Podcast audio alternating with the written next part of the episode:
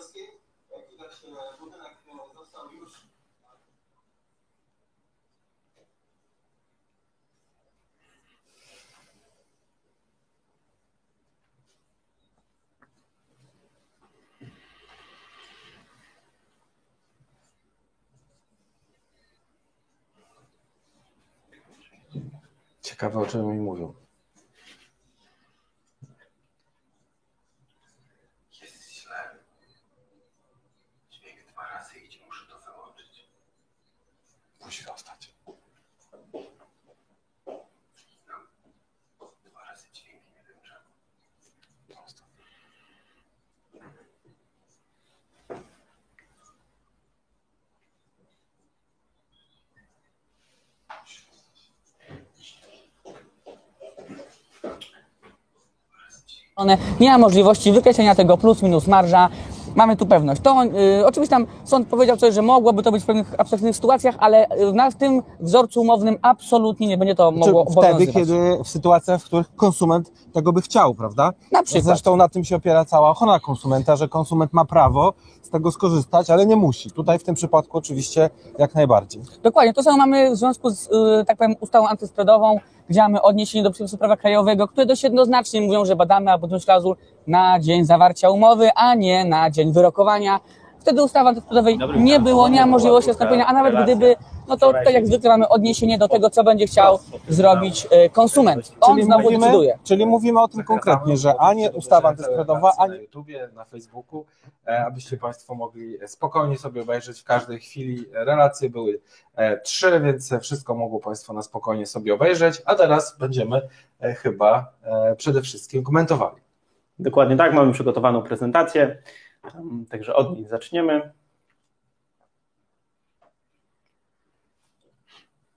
Nasz dzisiejszy temat to omówimy aktualne orzecznictwo Trybunału Sprawiedliwości Unii Europejskiej oraz Sądu Najwyższego. Opowiemy również o tym, o ostatnim e, stanowisku prokuratora generalnego, jeżeli chodzi o uchwałę Izby Cywilnej, która ma w teorii nastąpić 11 maja. W trzecim punkcie porozmawiamy o tym, jakie są sprawdzone sposoby na wygraną z bankiem. No i oczywiście czwarty punkt to ten obszar, w którym mogłyby Państwo zadawać na naszym czacie pytania. Mamy również przygotowane pytania, które, wcześniej Państwo zadali podczas rejestracji na nasz webinar. No i oczywiście standardowo będzie konkurs, y, quiz, w którym będzie oczywiście do wygrania oprócz darmowych konsultacji i rabatu na pozwanie banku. Myślę, że jeszcze jakiś egzemplarz książki się znajdzie. Dokładnie. Tak. Jak się wydrukuje. Także zaczynamy. Pierwsze, o czym chcieliśmy powiedzieć, to też o pytaniach, mm, które zostały zadane e, przez Sąd Okręgowy w Gdańsku do Trybunału Sprawiedliwości Unii Europejskiej. E, także tutaj oddaję głos adwokatowi Wiktorowi. Bardzo dziękuję. E, tych pytań, jak wiemy, doskonale było, było pięć. I tak naprawdę pierwsze sprowadzały się do tego, czy można umowę uzdrowić, uzupełnić, jaki jest skutek zawarcia aneksu do umowy i ewentualnie wprowadzenia tak zwanej ustawy e, antyspreadowej. E, następnie to dosyć istotne zagadnienie. Tutaj przypominam, że w ogóle ta sprawa dotyczyła e, konkretnego wzorca umownego. Był to wzorzec umowny starego banku GE, aktualnie BPH, w którym no, ta klauzula jest skonstruowana w taki sposób dość specyficzny i tutaj było pytanie, na ile jest możliwe odcięcie wyłącznie elementu tej klauzuli i pozostawienie pozostałej części. Kolejne dwa pytania mm, tak naprawdę sprowadzały się do tego, E, od kiedy należałoby liczyć, czy w ogóle jaki skutek ma e, wyrok, który e, ustala, że dane postanowienia są niedozwolone, czy stwierdza, że dane postanowienia są niedozwolone.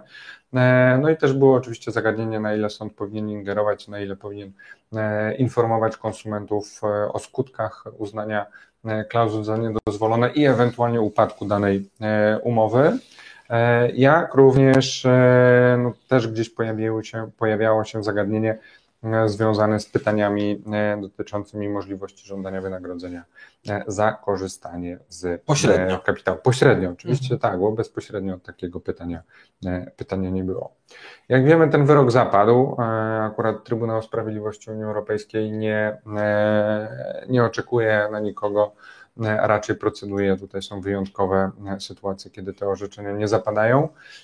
Treści go znamy. Tutaj też mieliśmy okazję E, pierwsze komentarze e, zobaczyć e, i, no i usłyszeć kilka słów na, na samym początku na gorąco, jak ten wyrok był skomentowany.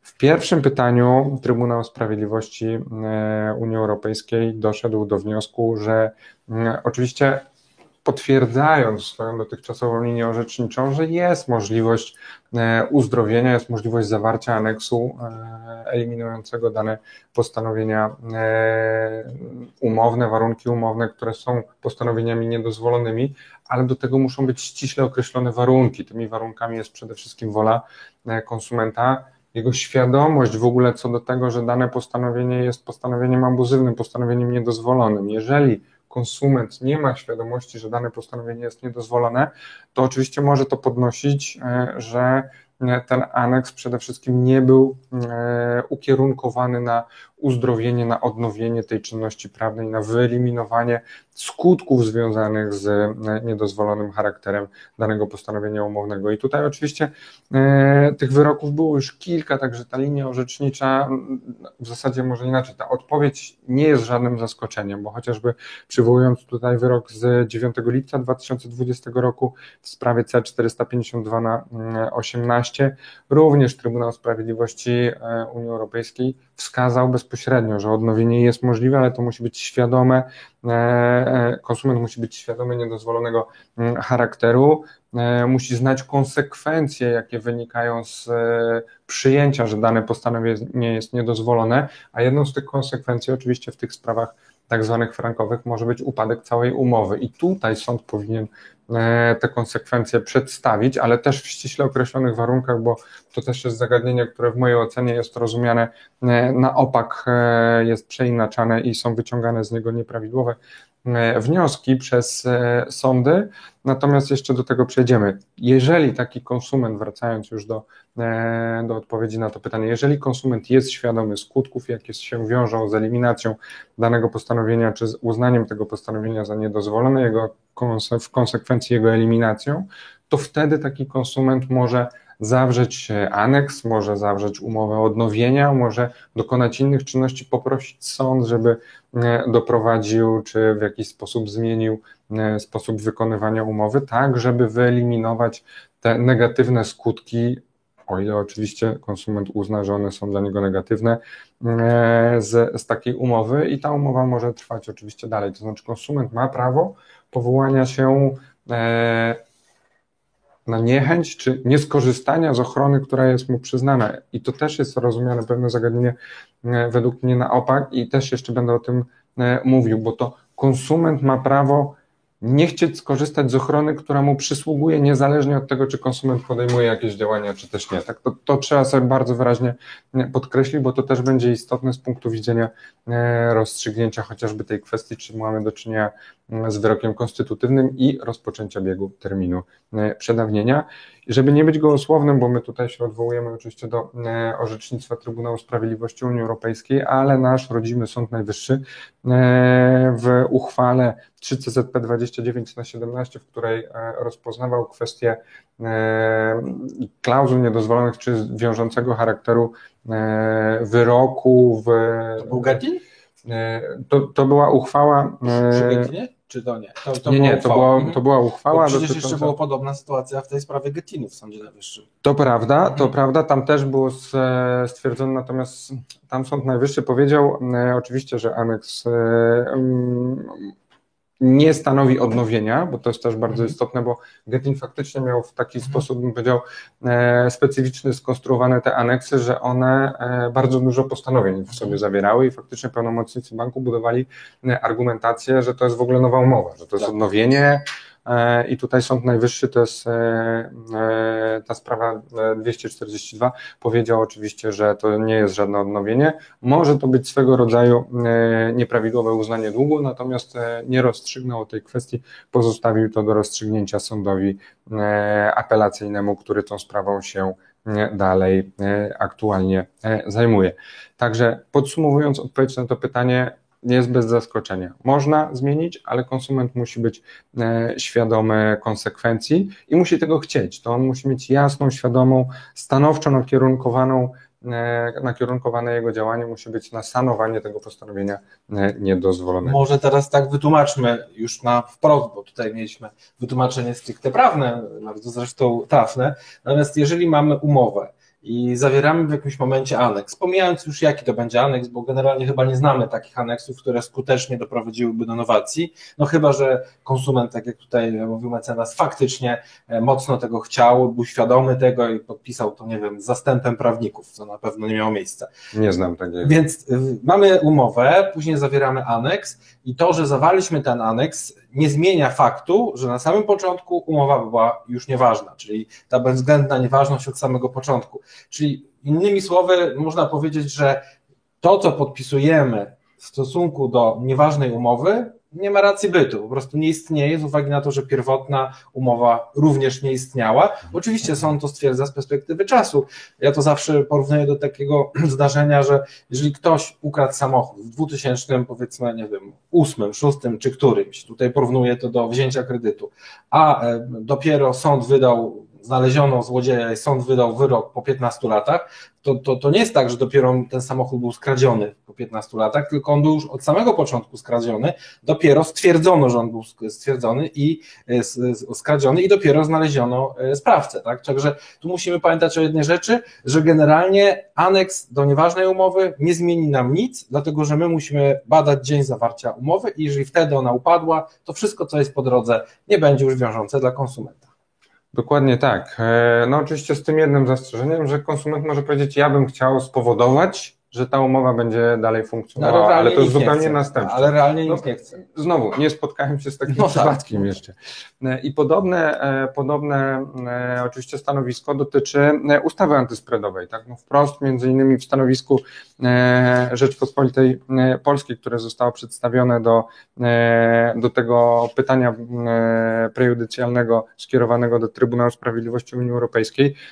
Tam również E, nasz rząd wskazał jednoznacznie przede wszystkim tak, odwołał się do projektu e, samej ustawy antyspreadowej, bo to też jest e, bardzo istotne, bo tu pełnomocnicy bardzo często, pełnomocnicy banków bardzo często podnoszą, że ustawa antyspreadowa sanowała umowy, czyli naprawiała w jakiś sposób te umowy, które były zawierane przed jej wejściem w życie, czyli przed 2011 rokiem. Natomiast wprost przecież z projektu tej ustawy wynika, że ona jest przede wszystkim odpowiedzią na e, nieprawidłowe praktyki banków polegające na dowolności, arbitralności tutaj w kształtowaniu tych kursów, w ustalaniu tych kursów, że ma działać wyłącznie na przyszłość. Ona nie ma żadnego odniesienia do e, umów zawartych e, przed. Natomiast co istotne, znowu w tym stanowisku Rzeczpospolitej e, Polskiej przedstawionym do, do tych pytań, e, też jest informacja o tym, że nie stanowi to wdrożenia e, postanowień dyrektywy 93 przez 13, czyli tych, tych założeń, które mają na celu eliminację danych postanowień i przywrócenie równowagi, bo takie oczywiście dyrektywa też przewiduje, natomiast ta ustawa tych warunków nie spełnia. Ona sama w sobie niczego nie sanowała. Ona miała wyłącznie na przyszłość wyeliminować nieprawidłowy proceder w postaci no, tego, tych, No tej tak. dowolności. To znaczy, to, to, to polegało przede wszystkim na tym, że to jest prawo, a nie obowiązek, tak? Czyli to nie zmieniło e, wszystkiego nagle na, na podstawie, na mocy tej ustawy antyspreadowej, tylko dało obowiązek. Jak wiemy, niektórzy nie korzystają z tego z różnych przyczyn. Oczywiście. Na przykład nie wiedzą, czy po dobrej cenie kupią franka, tak? Prawda? Także takie też sytuacje się zdarzają i my to rozumiemy, bo, bo to nie jest tak prosto zrozumieć ten cały mechanizm z perspektywy czasu. Natomiast jeżeli bierzemy pod uwagę e, frankowiczów, z którymi mieliśmy e, sposobność już w życiu się e, poznać, zapoznać, no to wiemy o tym, że e, tak naprawdę nawet wejście ustawy antysprawowej nie do końca było dla nich takie oczywiste, bo przecież na samym początku trzeba było jeszcze płacić za podpisanie tego aneksu, tak? Tak, to, to tak, już w tak. ogóle była abstrakcja. E, To prawda, e, a jeszcze wcześniej przypomnę tak w ogóle, że niektóre banki twierdziły, że na przykład można było spłacać bezpośrednio w walucie, e, ale żeby było śmieszniej pobierały opłatę za wpłaty Tak. waluty w okienkach, więc no nie pobieramy sobie na spreadzie, który sami ustalamy przy przeliczaniu wo- na podstawie własnych tabel, ale pobierzemy pieniądze za to, że ktoś przyniósł franki e, i chciał je wpłacić bezpośrednio w okienku, więc no, no tutaj e, ewidentnie został dostrzeżony ten e, nieprawidłowy proceder i to znowu, to jest ja wielokrotnie podkreślam, no jakby ustawodawca rzadko kiedy tak dalece e, ingeruje w i tak już nadzorowany e, system prawa bankowego, czy w ogóle prawo finansowe, e, które jest nadzorowane między innymi przecież przez Komisję e, Nadzoru Finansowego i w sposób ograniczający, czy wręcz narzucający. Tak pamiętajmy, że banki raczej opierają się na swego rodzaju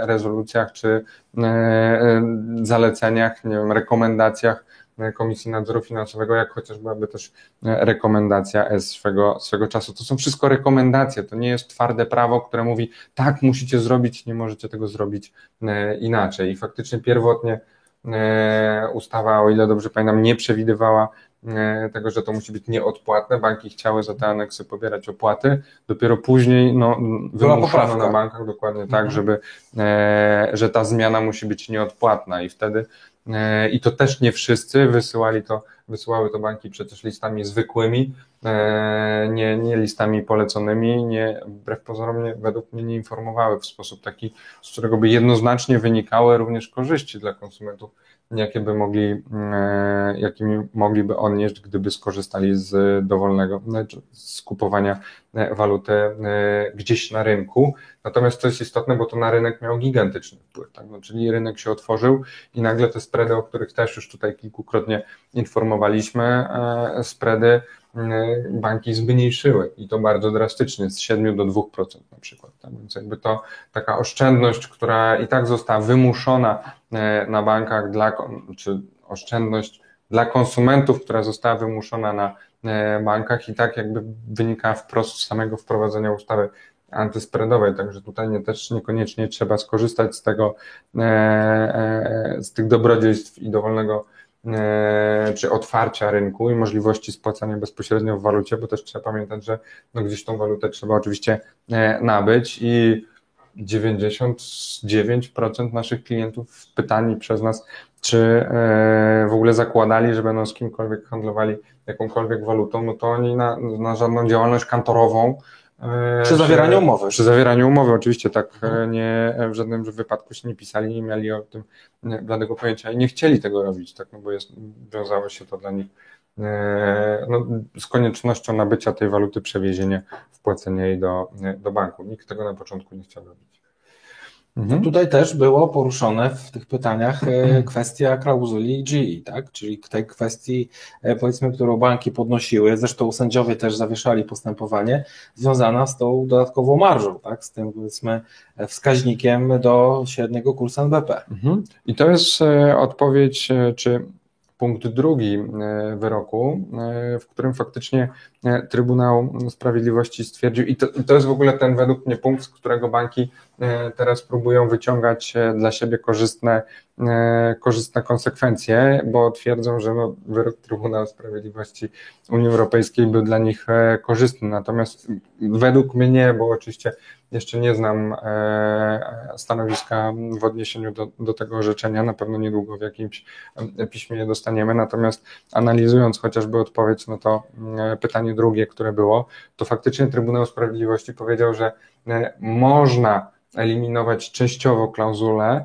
ale tylko w określonym przypadku. To znaczy, jeżeli możemy językowo e, czy systemowo wyodrębnić dane postanowienie umowne i uznać je, że ono stanowi e, kompletnie odrębną, e, odrębny element od pozostałych postanowień, czyli nawet jeżeli mamy językowo jedną klauzulę, w jedną mhm. klauzulę to zbite, to jeżeli jesteśmy w stanie faktycznie to podzielić na części i powiedzieć, to jest jedna część, to jest druga część i to możemy sami poddać kontroli i drugą część które mają same w sobie e, e, charakter klauzuli. Charakter klauzuli są racjonalne i, e, i niosą za sobą jakieś, można powiedzieć, przesłanie, no to wtedy w takiej sytuacji faktycznie można powiedzieć, część klauzuli jest niedozwolona, część klauzuli jest ok, tak? Czyli to, to w ogóle drugie postanowienie, które jest de facto jednym postanowieniem. I no tutaj trzeba zwrócić uwagę, że ta klauzula E, która jest stosowana e, przez GE Money Bank, ona faktycznie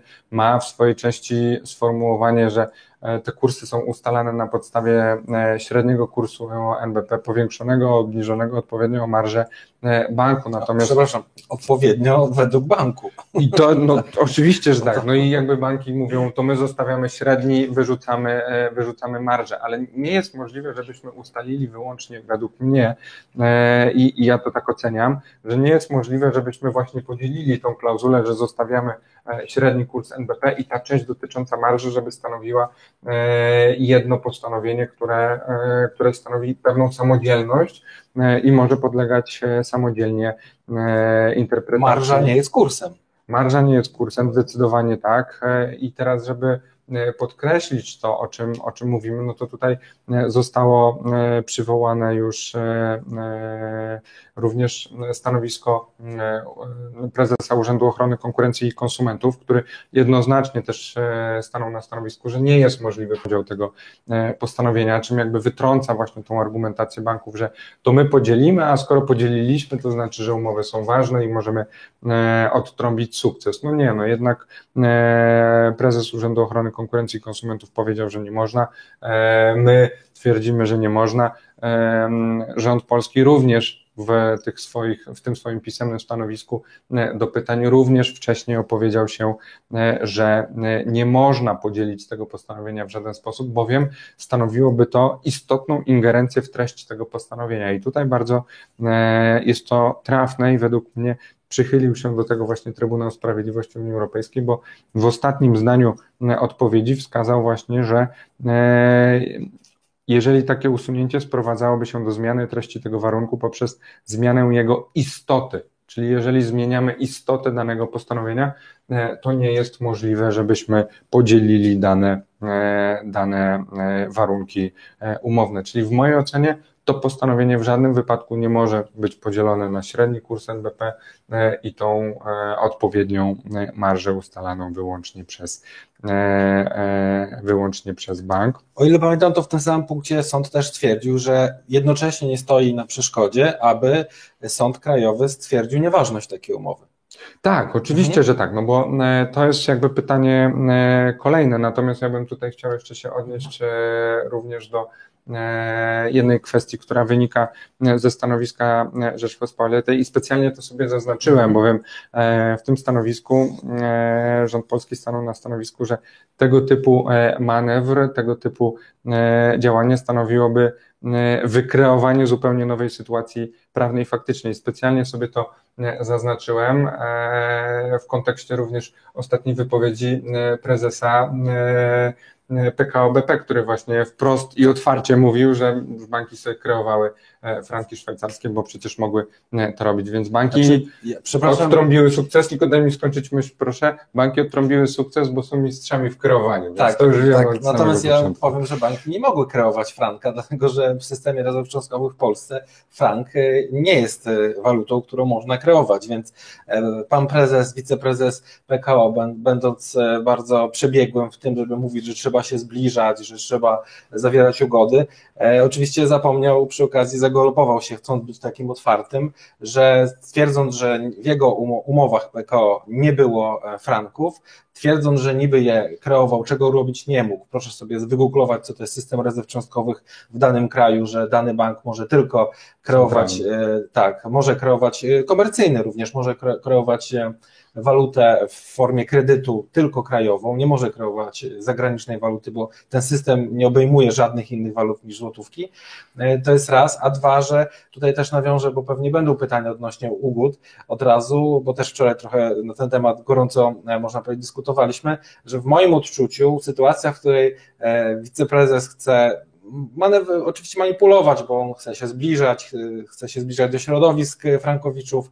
Oczywiście chcę podkreślić jeszcze raz, że my nigdy się nie zbliżymy do żadnego prezesa, tak jak to robią inni banku, dlatego że my jesteśmy po stronie Frankowiczów i nie, nie, nie dążymy do tego, żeby w jakikolwiek sposób, można powiedzieć, ułatwiać zadanie manipulowania, dlatego że banki manipulują. Te wszystkie propozycje ugód polegają na tym, że banki widząc już, że w, w sądzie nie mają żadnych szans, zresztą co ten sam prezes tydzień wcześniej powiedział na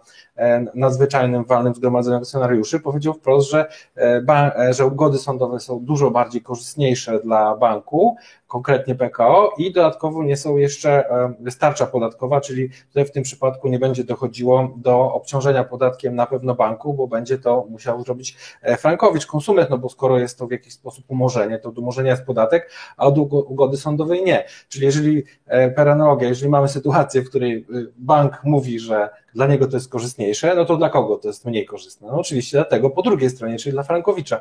Tak już odchodząc troszkę od tematu, przepraszam, że się zagobolowałem, ale cały czas e, ta nasza gorąca dyskusja wczorajsza e, stoi mi w gardle, bo no, manipulacja wczorajsza prezes, wiceprezesa PKO, poziom mistrzowski, zasada prosta. Zbliżmy się e, i mówmy, że teraz jesteśmy dobrzy.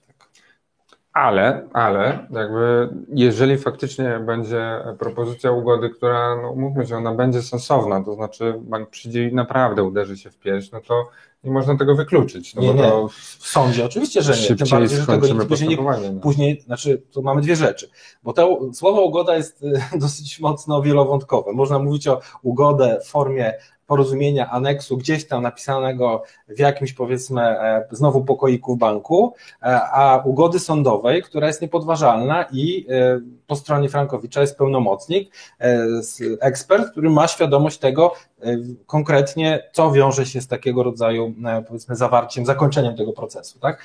Że tu są dwie różne rzeczy. Ja jestem za ugodami sądowymi, ale na takich warunkach, które będą uczciwe, a nie takich, jakie na przykład w przypadku PKO, bo przecież znamy te, te propozycje. Prezes sam mówi wprost, że chce ten kredyt zamieść na kredyt złotówkowy, który no, po pierwsze e, sankcjonuje te nieuczciwe zachowanie e, banku, a po drugie powoduje, że e, Frankowicz za chwilę znowu, zresztą sam prezes też powiedział, że WIBOR jest najniższy i zaraz znowu urośnie, także znowu to będzie inny problem, dlatego pomijając już fakt tego, że kredyty powinny mieć w dzisiejszych czasach stałe, tak jak na zachodzie, stałe oprocentowanie, no to fakt tego, co chce zrobić teraz PKO, to jest powiedzmy zamienił stryjek na przysłowiową siekierkę na kijek. W moim odczuciu, e, jeżeli będzie coś, cokolwiek innego e, w propozycjach, to uderza się w pierś i na pewno e, będziemy starali się obiektywnie to, to przedstawić, bo też to, to, nie jest, to nie jest równoznaczne, że każda ugoda będzie identyczna proponowana, tak? No przecież tutaj są różne sytuacje.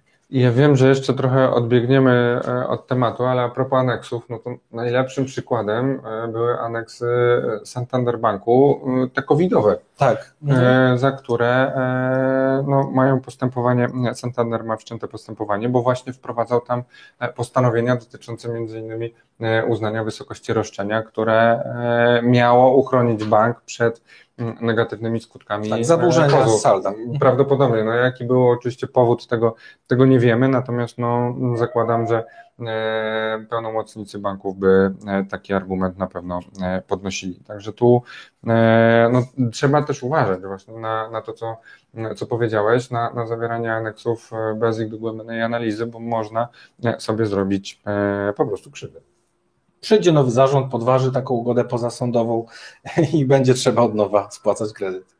Powiedzmy, tak już, tak już e, na, na marginesie. Pytanie e, czwarte, tak? W zasadzie jeszcze wróćmy do, Mhm. do tego zagadnienia, bo jeszcze tutaj mam jedną Mhm. e, informację, o której już powiedziałeś, natomiast ona wynika wprost też, żeby nie było z, z tego orzecznictwa i ze stanowiska Rzeczpospolitej Polskiej, że faktycznie jeżeli wyeliminujemy te, to postanowienie, no bo tutaj to, to jest jakby najważniejsze. Po pierwsze, że nie możemy dzielić, a po drugie, jak wyeliminujemy e, to postanowienie, to nic nie stoi na przeszkodzie, żeby uznać taką umowę za e, nieważną. Tak więc jakby to jest e, gdzieś tam e, według mnie też istotne, ale jeszcze będziemy o tym Tak, tak, bo chwilę przecież banki wczoraj twierdzą, że sąd, e, że Suez stwierdził, że tylko w wyjątkowych i e, naprawdę ekstremalnych sytuacjach można unieważnić umowę, przy czym te umowy były i są unieważniane e, non-stop, właśnie z uwagi na to, że to są takie przypadki, kiedy bank jako nieuczciwy przedsiębiorca rażąco narusza interes e, konsumenta w tym przypadku. No i tu też trzeba znowu powiedzieć, e, że e, oczywiście umowa co do zasady powinna trwać dalej, ale przecież te postanowienia, o których my rozmawiamy teraz, te indeksacyjne, e, są już postanowieniami powszechnie uznawanymi za istotne postanowienia umowne, czyli takie, które charakteryzują daną umowę. I to, o tym też już kilkukrotnie mówiliśmy. Jeżeli nie ma postanowienia w umowie, które tą umowę charakteryzuje, istotnego postanowienia umownego, to nie mówimy o takiej umowie. Po prostu nie mówimy o umowie kredytu indeksowanego bez indeksacji. I to, to jest kropka. Nie ma sprzedaży, nie ma umowy sprzedaży bez ceny, nie ma umowy kredytu indeksowanego bez indeksacji. Nie ma samochodu bez kół. No, no Ja będę, będę tłumaczył tak prościej troszkę. Samochód bez kół może jeszcze by się dało znaleźć. Sporo do nas swego czasu przyjeżdżało z zagranicy, ale e, no też zdecydowanie jest to pewien kadłubek, którego byśmy nie chcieli. Ale można go naprawić tylko za zgodą konsumenta. Jakby No, konsument nie chciał, to by nie dało być, się. musiałby być świadomy przede wszystkim, że nie ma kół i nic z I, tym nie i zrobi. katalizatora, tak? Dokładnie. Przechodzimy płynnie do pytania czwartego. Niestety widzę, że tutaj e, gdzieś jakiś drobny sabotaż się wdarł i zniknęła nam e, informacja o wyroku, natomiast jest on dostępny na naszej stronie internetowej, na naszym blogu, także mogą sobie Państwo go stamtąd również pobrać. E, tak, natomiast e, ja sobie tylko zobaczę, tak, dobrze, do, do odpowiedniego elementu sobie zrobiłem e, notatkę. I właśnie tutaj, e, jakby Państwo sobie e, byli w stanie odtworzyć pytanie numer 3, a jesteśmy w stanie cofnąć kilka slajdów, bo on był według mnie e, wcześniej. Wydaje mi się, że to slajdy. O, i tutaj jak Państwo spojrzą sobie na e, m, trzeci punkcik, Ten cały wyrok. E, Znaczy, oczywiście, ale mi chodzi konkretnie, teraz byśmy Mhm. się odnieśli do punktu e, trzeciego. Nie wiem, na ile on będzie widoczny, natomiast e, oczywiście on jest dostępny na stronie e, Życie bez kredytu, tak? To może przeczytaj, będzie, będzie lepiej. To może ja, bo ja już mam tak, je, tak. mam w, większe wydrukowane, że wykładnie artykułu 6 ustęp 1 dyrektywy 9613 należy dokonywać w ten sposób, że skutki stwierdzenia przez sąd istnienia nieuczciwego warunku w umowie zawartej między przedsiębiorcą a konsumentem podlegają przepisom prawa krajowego, przy czym kwestia utrzymywania się w mocy takiej umowy powinna być oceniana z urzędu przez sąd krajowy zgodnie z obiektywnym podejściem na podstawie tych e, przepisów. I to jest właśnie ten element, o którym ja wspomniałem na samym początku, dla którego uważam, że e, sądy przeinaczają w tej chwili jakby, czy wypaczają być może e, i nadinterpretowują e, konieczność informowania e, konsumentów o skutkach. Proszę zwrócić uwagę, że e, Trybunał Sprawiedliwości Unii Europejskiej, i to nie pierwszy raz, wskazuje, że e, jeżeli ocenia dane postanowienia z urzędu, oczywiście ma obowiązek dokonać e, oceny e, tych postanowień z urzędu, czyli jeżeli konsument się na nie nie powołuje, i taki też było przecież zagadnienie dotyczące e, chociażby nakazu w postępowaniu nakazowym, gdzie Trybunał Sprawiedliwości Unii Europejskiej zakwestionował e, polski nakaz w postępowaniu nakazowym, e, wydany przeciwko konsumentowi jako nie dający sądowi prawa do zweryfikowania, czy w danej umowie są postanowienia niedozwolone, czy też nie. Z tamtego e, wyroku również wynika wprost e, i jednoznacznie, że e, Sąd Krajowy musi mieć możliwość zbadania z urzędu, czy są w danej umowie postanowienia niedozwolone, czy e, też nie. I to jest jakby klucz tego zagadnienia, bowiem jeżeli konsument przychodzi i mówi, Wysoki Sądzie, w tej umowie są klauzule niedozwolone, jest reprezentowany przez profesjonalnego pełnomocnika, czyli sąd tutaj nie będzie badał z urzędu postanowień niedozwolonych, tak, bo konsument mówi, tu są i wyciągnie mi tylko sądzie e, z tego e, skutki. Tutaj już według mnie sąd nie powinien w żadnym wypadku czy poddawać pod wątpliwość, czy konsument, aby na pewno formułując, oczywiście ustami pełnomocnika, ale czy aby na pewno ma świadomość tego, co on robi, bo to by w ogóle podważało e, konstytucyjne prawo do sądu, bo sąd musiałby się zapytać, czy e, z pełna rozumu jest konsument, który formułuje ze swoim pełnomocnikiem roszczenie, idzie do sądu i chce wyciągnąć przecież konsekwencje z e, niedozwolonego charakteru danych postanowień umownych. Więc tylko i wyłącznie w mojej ocenie, tylko i wyłącznie, jeżeli sąd działa z urzędu, czyli przyjdzie konsument, który e, albo w ogóle nie jest zorientowany, nie ma pełnomocnika, albo właśnie bank e, wytacza przeciwko niemu postane e, jakiś wyrok, przepraszam, nie wyrok, tylko pozew, na podstawie którego teoretycznie sąd byłby mm, zobowiązany na podstawie przepisów kodeksu postępowania cywilnego wydać e, nakaz postępowaniem nakazowym, czyli taki bez badania klauzul e, niedozwolonych. No to sąd musi je zbadać, wtedy działa z urzędu i jeżeli działa z urzędu, to musi powiedzieć konsumencie, ja działam z urzędu, konsekwencje mojego działania i tego, że te postanowienia są niedozwolone, będą takie, takie i takie. I znowu, to jest znowu, e, znowu, to jest znowu, e, to jest kolejna nadinterpretacja, e, której według mnie dopuszczają się e, sądy, a pełnomocnicy banków to skrzętnie e, wykorzystują. Otóż to sąd ma powiadomić, jakie są konsekwencje uznania danego postanowienia za e, postanowienie niedozwolone, a nie e, sąd nie powinien się pytać to konsumencie, e, jakie ty uważasz, że są skutki uznania tego postanowienia za niedozwolone, czy upadku ewentualnie umowy. Konsument nie musi tego wiedzieć, w takiej sytuacji sąd powinien go poinformować, jakie są według niego te skutki, nawet te hipotetyczne. Tak? No tutaj już CUE powiedział, że e, mówimy również i o hipotetycznych e, skutkach, które mogą nastąpić.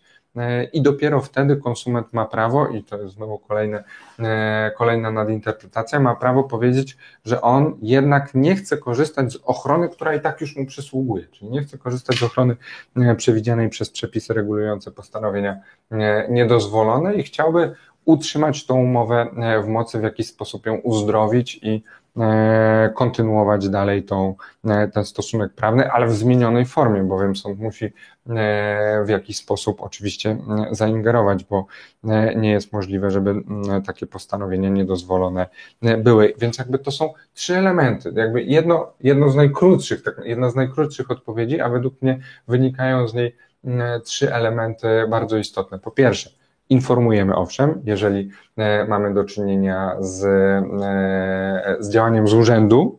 E, po drugie,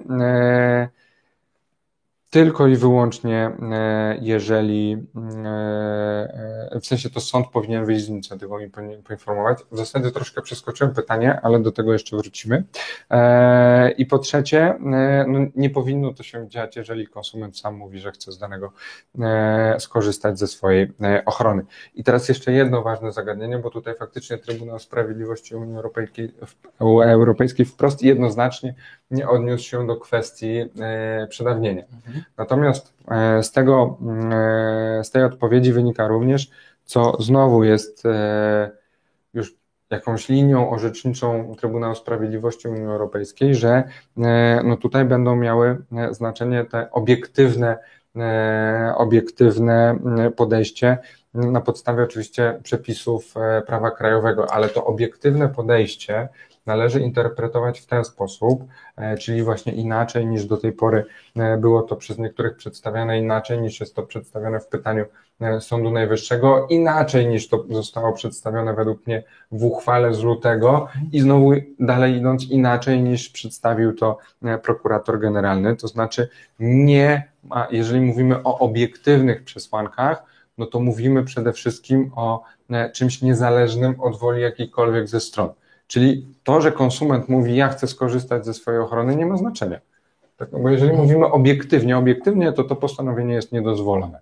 Jak ono jest niedozwolone, nie wiąże od samego początku, już kilkukrotnie i tutaj, i e, na łamach prasy wskazywałem, postanowienie nie wiąże, nie stanowi elementu stosunku prawnego, jego tam po prostu nie ma. A jeżeli jest to istotne postanowienie umowne, bez którego ten samochód nie pojedzie, E, no to przecież nie możemy w żadnym wypadku mówić, e, że mamy do czynienia z umową. Jeżeli nie mamy do czynienia z umową, ta umowa od samego początku e, jest nieistniejąca i nie ma. Jeżeli jej nie ma, no to też jakby samo stwierdzenie konsumenta, że on być może chciałby skorzystać z jakiejś ochrony, będzie powodowało tyle, że umowy nie było, i teraz trzeba coś zrobić, żeby ten stosunek prawny w jakiś sposób dalej można było wykonywać. Więc to będzie stanowanie uzdrowienie, pewnego rodzaju odnowienie, czyli w miejsce wcześniejszego innego postanowienia czy innego stosunku prawnego, tu wynikającego z nienależnych świadczeń e, bezumownego, e, e, z uwagi na to, że oczywiście umowy nie było, można byłoby jakiś nowy stosunek w drodze negocjacji, o której też Trybunał Sprawiedliwości Unii Europejskiej w ostatnich orzeczeniach mówił, że to sąd krajowy ma nadzorować ewentualnie, czy dać wytyczne, w którą stronę te ewentualne mediacje pomiędzy stronami miały by się e, e, ukierunkować i w jaki sposób miałyby się potoczyć. Więc jeszcze raz, i to trzeba bardzo mocno podkreślić, umowa jest nieważna. Nie ma znaczenia, co powie konsument. Konsument może dopiero chcieć ją uratować. Jak konsument powie, chciałbym ją uratować, to sąd ma dokonać wszystkiego, ma odnowić taką umowę e, i żeby ona mogła dalej funkcjonować. Jeżeli tego konsument nie zrobi, to on nie musi tego robić. Tak? Umowa jest po prostu nieważna, tak? Jemu ta, e, ta ochrona się po prostu należy, to niektórzy mówią. To teraz przejdźmy do ostatniego już podsumowania, tego punktu czwartego. Bo tutaj ja ze swojej strony też jedną rzecz, którą bardzo mocno E, zawsze podkreślam i, i też chcę, żebyście Państwo tak rozumieli mhm. orzeczenia e, TSUE, że orzeczenie TSUE nie zapada w konkretnym, znaczy, oczywiście ono jest na kanwie, na bazie konkretnej sprawy, ale ono nie dotyka, być może dla Państwa to będzie szokujące, te orzeczenia TSUE, czy w, w przypadku państwa dziubaków, czy te, które teraz mieliśmy miejsce, czy te, które było tydzień temu, ono nie dotyczy po prostu kredytów frankowych. Ono dotyczy interpretacji dyrektywy. Więc sąd TSUE nie może tylko i wyłącznie, zwracając uwagę na e, ten sąd odsyłający, który akurat rozpatruje sprawę Frankowicza, wszystkie, mm, można powiedzieć, tezy, czy wszystkie argumenty, które przedstawia, tylko jednostronnie w jednym, w jednym kierunku e, zakładać, że mówi o kredycie konkretnie takim, a nie innym. Tak? On musi wypowiadać się bardzo szeroko. Oczywiście w tych później uzasadnieniach, w tych akapitach być może jest to bardziej sprecyzowane, bo po to jest to uzasadnienie, żeby precyzować, ale jeżeli sobie czytamy, z czego właśnie błędnie wywodzą przede wszystkim przedstawiciele banków, ja, rozumiem, ja jestem przekonany, że robią to celowo, bo e, no albo po prostu te prawo to skończyli mm, raczej na zasadzie powiedzmy jakiegoś podarunku, e, a nie faktycznie skończonych tych studiów, bo wydaje mi się, że to jest taka abstrakcja, że aż mnie naprawdę to wczoraj zaskoczyło w pewnym momencie. E, można powiedzieć, że no, pomyślałem sobie, może jestem zbyt zmęczony, żeby rozumieć dobrze, co mówią, ale dzisiaj jeszcze raz sobie to obejrzałem z rana i po prostu jestem e, przeświadczony, że e, to, co piszą banki, to, co mówią banki, jest to kolejny element propagandy, żeby nie pozywać banki, ale to wrócimy do tego pewnie później. Natomiast to, co jest najważniejsze, jeszcze raz, jeżeli sąd mówi, że potencjalnie nieważność umowy i tutaj jeszcze raz chcę powiedzieć, że nie dotyczy to żadnej umowy frankowej. Tutaj nie mówi o umowie frankowej, on mówi tylko, że generalnie, jeżeli upadek, e, stwierdzenie nieważności e, byłoby niekorzystne, to może również być taka sytuacja, że ta umowa byłaby zawarta na przykład dwa lata temu. A skoro dwa lata temu, to jest oczywistym, że musi wtedy Frankowicz oddać pieniądze, tak? Zgadza się? Czyli jeżeli okres przedawnienia banku nie minął, no to wtedy skutkiem, o którym musi poinformować sąd, jest to, że na pewno trzeba będzie oddać kapitał, gdyż wiemy o tym, że ta zasada dwóch kondycji mówi, że jeżeli umowa jest nieważna, to strony muszą sobie zwrócić to, co świadczyły. Jeżeli okres przedawnienia mamy 3 e, lata, a umowa była zawarta 2 lata temu, to jest oczywistym, że jedna i druga strona musi sobie zwrócić to samo. Tutaj w tych orzeczeniach, w żadnym z tych orzeczeń nigdy nie było mowy o tym, że sąd musi na przykład wziąć pod uwagę kwestię e, przedawnienia, bo to wynika z przepisów. Trybunał nie musi informować, że z dyrektywy wynika to, że są okresy przedawnień, bo to każdy wie. Banki natomiast starają się w pewien sposób zapomnieć o tym i e, właśnie w taki sposób, e, można powiedzieć, łatwo można e, zdemaskować te ich działania, gdyż to są po prostu działania manipulacyjne. Ja zawsze się staram, staram Państwu to wytłumaczyć na jakimś przykładzie, więc ten przykład, który teraz pokazałem, również pasowałby do tej konkretnej uchwały czy do innej, że jeszcze raz, Trybunał Sprawiedliwości tylko, e, można powiedzieć, interpretuje dyrektywę i interpretuje to, jak wygląda e, uchwała. On nie rozpatruje każdej konkretnej sprawy, oczywiście na podstawie tej sprawy, bo tak na tym bazują pytania prejudycjalne, on to odnosi, natomiast to nie jest tak, że e, mówiąc o tym, że sprawa zapadła w sprawie Frankowiczów z Polski, z Gdańska, to na pewno nie jest tak, że to jest tylko i wyłącznie w tej sprawie, albo tylko i wyłącznie do, do spraw e, przecież e, kredytów, bo zdarzają się kredy, sprawy zupełnie nie dotyczące kredytów, e, czy to frankowych, czy jakichkolwiek, z których też wywodzimy skutki z dyrektywy, tak? Więc jakby tutaj to chciałbym, żebyście Państwo tak jakby, bo miałem mnóstwo telefonów wczoraj czy i dziś, mówiących właśnie o tym, że, że przecież piszą prawnicy banków w gazetach, że to tylko w wyjątkowej sytuacji można unieważnić umowę. No to jest taki, takie przekłamanie, że trudno nawet do tego jakoś sensownie się odnieść, tak? Ja bym może nie, nie użył słowa przekłamanie, ale co najmniej półprawda. Bo, no tak, każdy e, używa tak. Bo tu mają rację, mhm. że to jest wyjątkowa sytuacja, mhm. kiedy można unieważnić umowę, ale tu nie możemy postawić kropki, bo więc trzeba to dalej rozwinąć. Jeżeli bez tego postanowienia, które jest uznane za niedozwolone, umowa nie może dalej istnieć, to po prostu mamy umowę unieważnioną. Takim pojęciem się posługuje Trybunał Sprawiedliwości Unii Europejskiej, ale w rozumieniu polskich przepisów będzie to umowa uznana za nieważną. Czyli po prostu tej umowy nie będzie, więc oni za szybko stawiają kropkę, więc tu bym powiedział, że to jest... Przy klauzulach abuzywnych też postawili kropkę. To I, też I o formacji, i o ryzyku również. No, tych kropek było dużo. Tak. Wydaje mi się, że e, faktycznie kilkukrotnie za, e, za szybko e, ktoś skończył. Natomiast wracając jeszcze do kwestii przedawnienia, bo to jest jakby istotne i tutaj rozpatrując ostatnie orzeczenia, nie powinniśmy się odnosić tylko i wyłącznie do tego orzeczenia, które zapadło 29 kwietnia.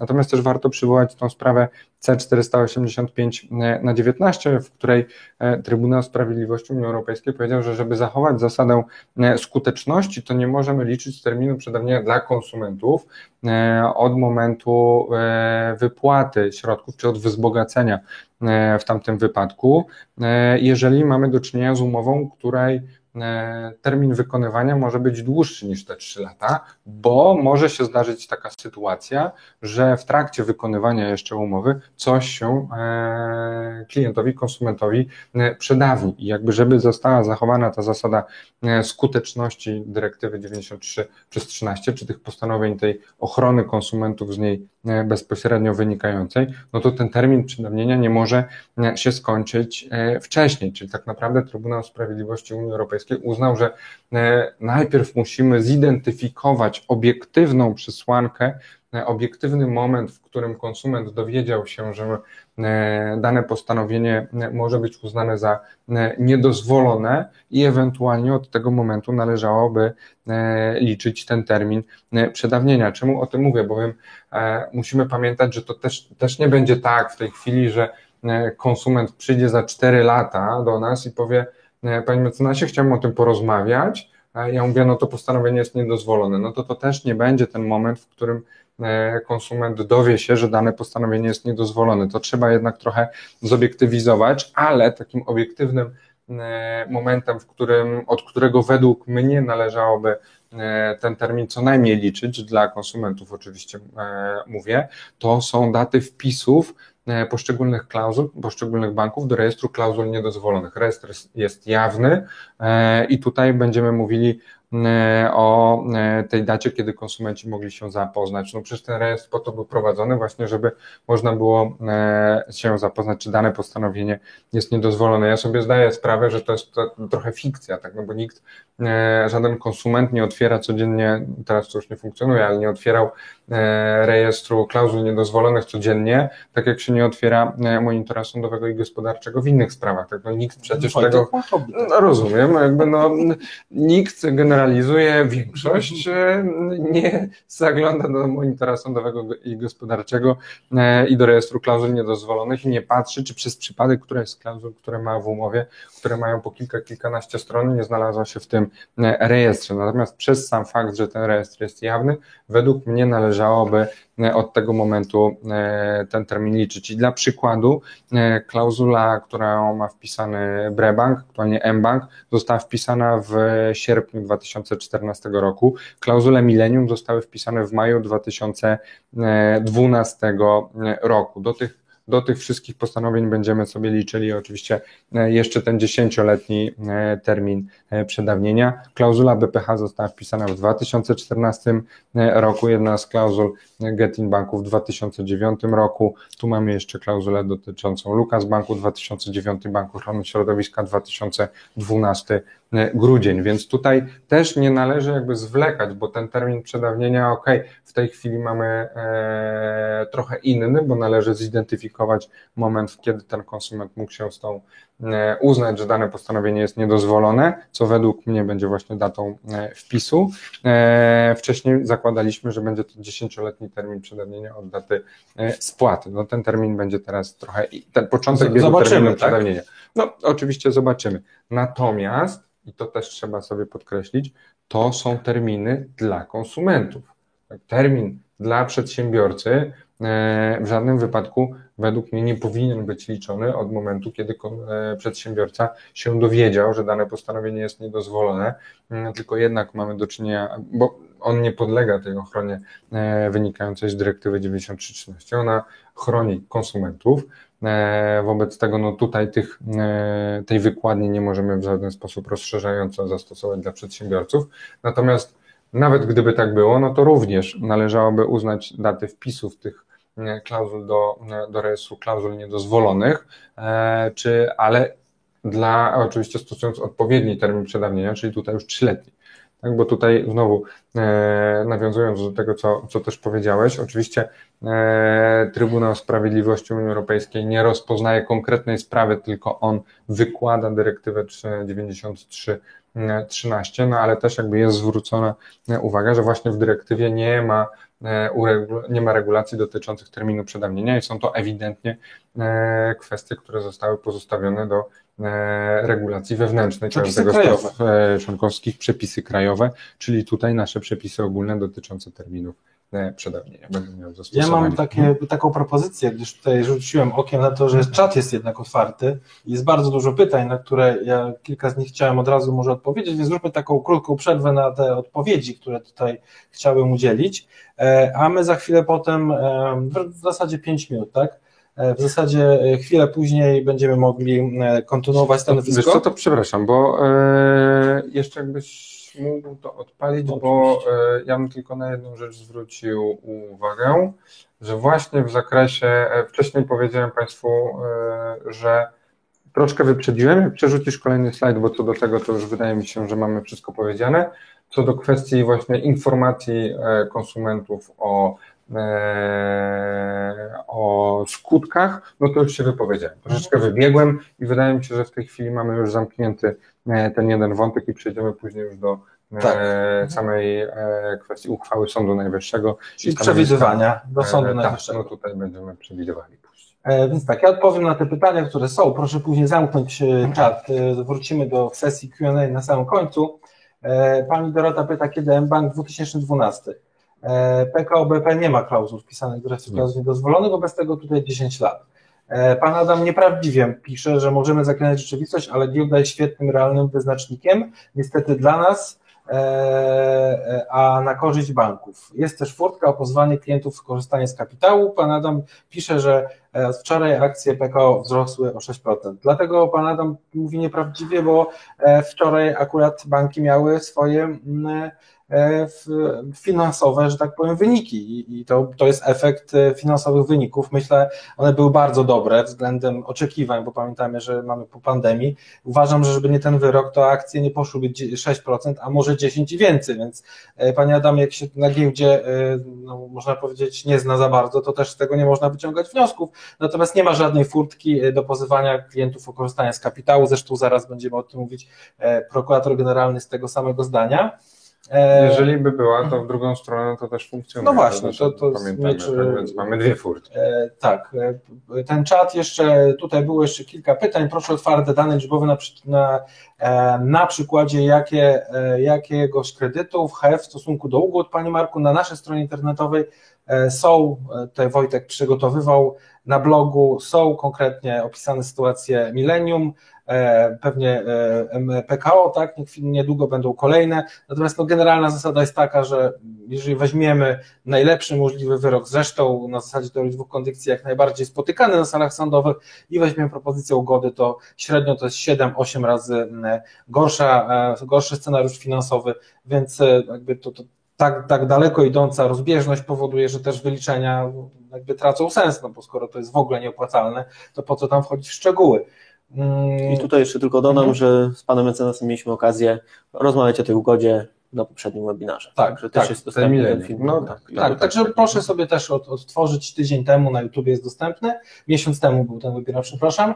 Eee, Pan Bogdan to samo, więc Panie Bogdan, jeszcze raz powtórzę. Wzrost na giełdzie wynika z opublikowania mm, wyników finansowych banku i moim zdaniem one powinny być dużo większe, więc ten wyrok CUE stłumił te, te, te wyroki. Poza tym pamiętajmy, że giełda nie, nie działa jeden dzień czy dwa, giełda działa w perspektywie czasu, to znaczy, że zobaczymy, jak faktycznie e, zareagują te akcje po realizacji zysków, czyli powiedzmy za tydzień, za dwa, a może to się właśnie powiąże z wyrokiem Sądu Najwyższego. E, e, No, pan Marek ma rację, przecież kurs średnia marża banku to są zupełnie dwie różne rzeczy. E, Co to znaczy, e, może do Ciebie pytanie, pan Sławomir pyta, co to znaczy zmiana istoty? No, tu musimy e, sobie uzmysłowić, do czego to postanowienie ma służyć, jaki ono ma mieć cel e, i jaki będzie jego cel i jaki będzie, jakie będzie jego rozumienie, jeżeli wyeliminujemy e, z niego dane, e, daną część. No bo bowiem, jeżeli z takiego postanowienia dotyczącego e, ustalenia wysokości wynagrodzenia e, dla banków wyeliminujemy element, e, na którym bank e, zarabia, no przecież banki jak jeden mąż, wszystkie jak jeden mąż mówią, że nie ma czegoś takiego e, jak kredyt złotowy oprocentowany e, stawką LIBOR, tak? albo nie ma czegoś takiego jak, e, czy nie są zawierane transakcje po e, średnim kursie Narodowego Banku Polskiego, bowiem nie jest to kurs e, transakcyjny. Wobec tego mamy tutaj w ogóle wypaczoną kwestię, e, kwestię marży, kwestię e, dodatkowego wynagrodzenia za te transakcje kantorowe, e, których oczywiście nikt nie, w tych umowach nie przewidywał, no ale w mojej ocenie, jeżeli właśnie wypaczamy sens danego postanowienia, eliminując z niego pewien e, element, no to tutaj możemy mówić właśnie o e, takiej istotnej e, zmianie, czy zmianie istoty danego e, postanowienia. Mhm. To tutaj proponuję wrócić już do naszej dalszej prezentacji. Wrócimy jeszcze do tego Pytania będą na koniec, tak? dokładnie. Tak. Mhm. Sesja Q&A. Mam tu również przygotowane te pytania, które zadali Państwo przed naszym webinarem. Także przechodzimy do stanowiska prokuratora generalnego w przedmiocie nadchodzącej uchwały Izby Cywilnej. Tak, robimy to w celu, aby przedstawić, y, potwierdzić, bo też przecież miesiąc temu już była na ten temat mowa na Waszym webinarze, a więc tutaj po to, aby potwierdzić tylko, że nie tylko stanowiskiem naszym trzeba się kierować, ale też no, dosyć istotnego tutaj uczestnika tego e, postępowania, czyli prokuratora generalnego. E, No tak, jakby prokurator generalny e, potwierdził faktycznie m, przewidywania czy zapatrywania nasze na e, przeważającej części na to, jakie powinny zapaść, jaka powinna uchwała ostatecznie e, zapaść, w jakiej, e, w jakiej treści.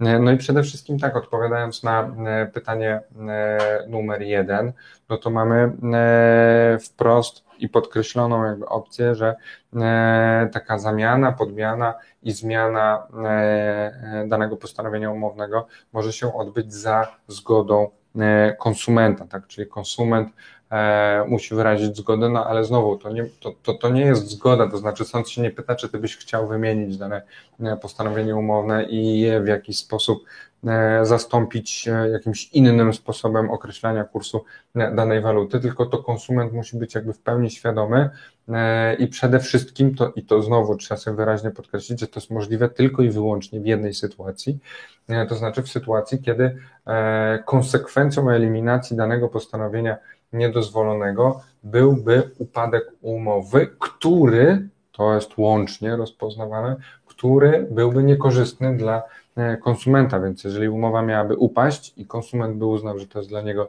e, niekorzystne, e, ale znowu tylko jeżeli sąd badałby takie postanowienia z urzędu, tak, no bo jeżeli konsument mówi, chciałbym zostać objęty ochroną, wyciągnie sądzie z tego mm, skutki prawne, no to trudno tutaj dopatrywać się, że, że konsument nie wie, e, jakie będą konsekwencje danego e, postanowienia umownego. U nas wiedzą, tak? No jeżeli ktoś ma jeszcze w tym zakresie jakiekolwiek pytania, wątpliwości, no to oczywiście możemy je rozwiać. Natomiast no, według mnie E, zawsze o tych skutkach rozmawiamy, tak żeby człowiek faktycznie wiedział, po co do tego e, sądu e, idzie. I tutaj to odpowiedź na to pytanie jest oczywiście zgodna z wcześniejszymi orzeczeniami, które zapadły, bo tutaj bardzo trafnie prokurator przywołał sprawę C70 na 17 i C179 na 17, wskazując, że tak naprawdę tak nie jest dopuszczalne w żadnym innym wypadku takie zastępowanie, bowiem byłaby to swego rodzaju twórcza ingerencja e, w treść e, e, umowy. I teraz jeszcze jedną rzecz być może, o której już mówiłem, natomiast jakby wracając trochę, bo te wątki się przeplatają, pamiętajmy proszę, że te postanowienia umowne są już rozpoznawane jako postanowienia istotne i myślę, że jakby tą już jednolitą linią orzeczniczą, która E, się w tej chwili e, kształtuje, czy można chyba powiedzieć, że się wykształciła, e, przypieczętowało według mnie orzeczenie Sądu Najwyższego dotyczące mBanków w sprawie 1 CSK 556 na 18 z września zeszłego roku, w której Sąd Najwyższy jednoznacznie stwierdził, że istnieje potrzeba zweryfikowania dotychczasowego stanowiska Sądu Najwyższego w kontekście właśnie uznawania czy zweryfikowania tego stanowiska, zgodnie z którym postanowienia indeksacyjne nie stanowiły istotnych postanowień e, umownych. I tutaj wprost Sąd Najwyższy się opowiedział, że te postanowienia powinny być, mając na uwadze orzecznictwo CUE, e, powinny być uznawane jako te E, postanowienia e, istotne, jako te postanowienia, które tą umowę e, charakteryzują. I tutaj faktycznie prokurator w całości to stanowisko podziela. Czyli tutaj jeszcze trzeba być może znowu dać przykład. Mowa o tym, że jeżeli jeden trybik, czyli jedna klauzula jest abuzywna, która właśnie jest tym głównym świadczeniem, powiedzmy, stron, tak jak w samochodzie te koła, o których rozmawiamy, są również istotne, to orzecznictwo idzie i poszło już w tym kierunku, że nie ma takiej fikcji, że samochód będzie jechał na trzech kołach. Jeżeli mamy klauzulę, która jest abuzywna, nie możemy wstawić żadnego koła w to miejsce, bo konsument sobie tego nie życzy, to znaczy, że cała umowa jest po prostu w tym przypadku nieważna, samochód nie może jechać. E, mam nadzieję, że to jest wystarczająco obrazowo, co prawda tutaj mecenas to też obrazowo powiedział, natomiast innymi słowy, natomiast też zależy mi bardzo na tym, żebyście Państwo wiedzieli, że chodzi tu przede wszystkim o to, że od, od, e, od frankowania, które jeszcze dwa lata temu było w tym przyważającej mierze orzecznictwem, teraz mam przechodzi to wszystko do unieważnienia, a skoro tak, to uchwała z 16 lutego 2021 mówi o tym, że mamy teorię dwóch kondycji. Tak, i tak naprawdę bardzo płynnie przechodzimy do odpowiedzi na e, zagadnienie drugie i trzecie, e, czyli właśnie co, jeśli nie możemy uzupełnić, to czy te umowy odpowiednio kredytu denominowanego i indeksowanego, e, czy one e, mogą dalej być wykonywane, czy też nie. O kredycie indeksowanym powiedzieliśmy sobie w kontekście ostatniego orzeczenia mBanku, uchwały zresztą lutowej również. W kontekście kredytu denominowanego trzeba faktycznie podzielić stanowisko, zgodnie z którym po eliminacji tych klauzul przeliczeniowych ta umowa po prostu nie może być dalej wykonywana. No bo tutaj znowu trzeba sobie e, przypomnieć, że do 2009 roku, do 24 stycznia, wszystkie zobowiązania e, e, wykonywane e, na terenie Rzeczpospolitej Polskiej musiały być w złotówce. I teraz ten kredyt nie mógł być w żaden sposób, w inny sposób wykonany, jak wypłacony w złotówce. Więc e, jeżeli mamy cel wyrażony w złotówce, wypłata musi nastąpić w złotówce, to przy każdym kredycie denominowanym musiał zadziałać mechanizm denominacji, ten przeliczeniowy mechanizm. Jeżeli nie mamy ustalonego sposobu e, przeliczenia, no to ta umowa jest niewykonalna. I tutaj też wracamy trochę e, do koncepcji, która jest forsowana przy okazji czy to banku BPH, czy w zasadzie innych banków również, gdzie banki mówią, że eliminujemy tylko e, odwołanie się do e, tabeli kursowej, a cała denominacja czy indeksacja powinna e, dalej obowiązywać. No to ja zawsze na takie pytania, czy na takie twierdzenia na, na sali sądowej ja przytakuję. Ja mówię, dla mnie ok. Jeżeli mówimy tak, że wywalamy odesłanie do tabeli kursowej, a indeksacja, denominacja ma dalej obowiązywać, no to ja się pytam, to przepraszam, jak my mamy przejść do tej złotówki odpowiednio franka? No nie, nie mamy jak. Skoro nie mamy jak, umowy się po prostu nie da wykonać, więc ona jest nieważna. Tak więc ja zawsze, jak na każdej rozprawie, jeżeli ktoś e, taką argumentację buduje i próbuje to rozdzielić, e, postanowienia dotyczące tabeli, postanowienia dotyczące samej indeksacji, e, no to ja od razu odpowiadam w ten sposób, że dla mnie ok, bo tej umowy się nie da wykonać i ona jest po prostu e, nieważna. Tak więc jakby znowu wracamy trochę do tej koncepcji e, tego niebieskiego ołówka, dzielenia tej klauzuli na, na części, Według mnie po podziale e, taka klauzula funkcjonować e, nie może, ten, ta, taka umowa jest niewykonalna. Zresztą prokurator wprost napisał, co prawda w przenośni, ale napisał wprost, że taka umowa kredytu denominowanego jest jeszcze bardziej podatna na unieważnienie niż kredytu indeksowanego, tak? No, cokolwiek by to nie miało znaczyć, ale wprost mówi o tym, że kredyt denominowany, zresztą też e, w sukurs słowom pana wiceprezesa PKO był kredytem złotówkowym, bo nie było franków. Wobec tego nie da się ustalić kwoty kredytu, brak esencjali negoti. Mówimy tutaj oczywiście Deutsche Banku, Fortisie, PKO czy Nordei pierwotnie, BZWBK i innych tego typu kredytach. Mhm. Jeżeli chodzi o pytanie e, czwarte, to na pytanie czwarte mamy już odpowiedź w uchwale e, lutowej. Zakładamy, że ona będzie, e, że no tutaj Sąd Najwyższy jakby powieli to stanowisko, tym bardziej, że ono wynika już z pewnej znowu linii, bo tak samo w grudniu zeszłego roku Sąd Najwyższy również opowiedział się za 19. 19, tak, roku, roku, czyli, tak, tak, półtorej roku temu leci ten czas, to prawda. Tak. E, faktycznie z 2019 roku 500K 382 oczywiście. E, z grudnia 2019 roku e, opowiedział się również za zasadą dwóch kondyktów. Uzasadnienie było w styczniu, można, no, no można, wszystko można powiedzieć, że w styczniu. No to dużo się nie pomyliłem.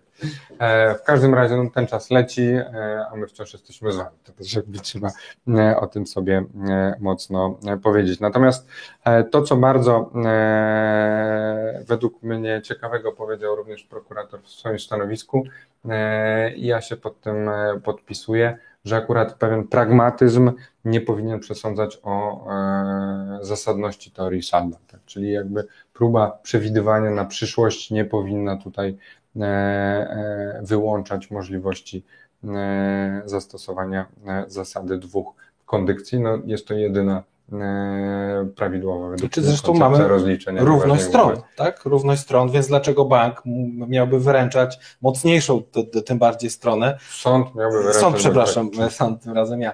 E, sąd e, miałby wyręczać mocniejszą stronę od tego, żeby wykonywać jakieś, jak to powiedział też w uchwale Sądu Najwyższego, E, e, w uzasadnieniu jakiegoś teorii wynikającej z prawa niemieckiego, tak? No tutaj mamy okoliczności, które wiemy jakie są, wiemy, że strony muszą sobie zwrócić to, co świadczyły, wiemy, że są oczywiście w ramach każdego odrębnego roszczenia okresy przedawnień i wiemy, w jaki sposób one funkcjonują, tak?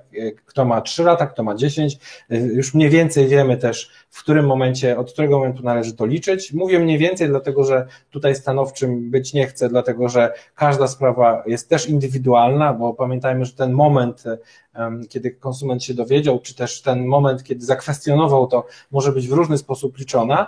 E, no oczywiście w strategii procesowej należy zrobić tak, żeby ten moment był jak najbardziej oddalony w czasie i udowodniony, e, chociażby dlatego, żeby tutaj te roszczenia były maksymalnie e, wysokie, potencjalnie lepsza wtedy by była ugoda sądowa, tak, jeżeli w ogóle będą tego rodzaju ugody. Piąte pytanie, tak? Tak.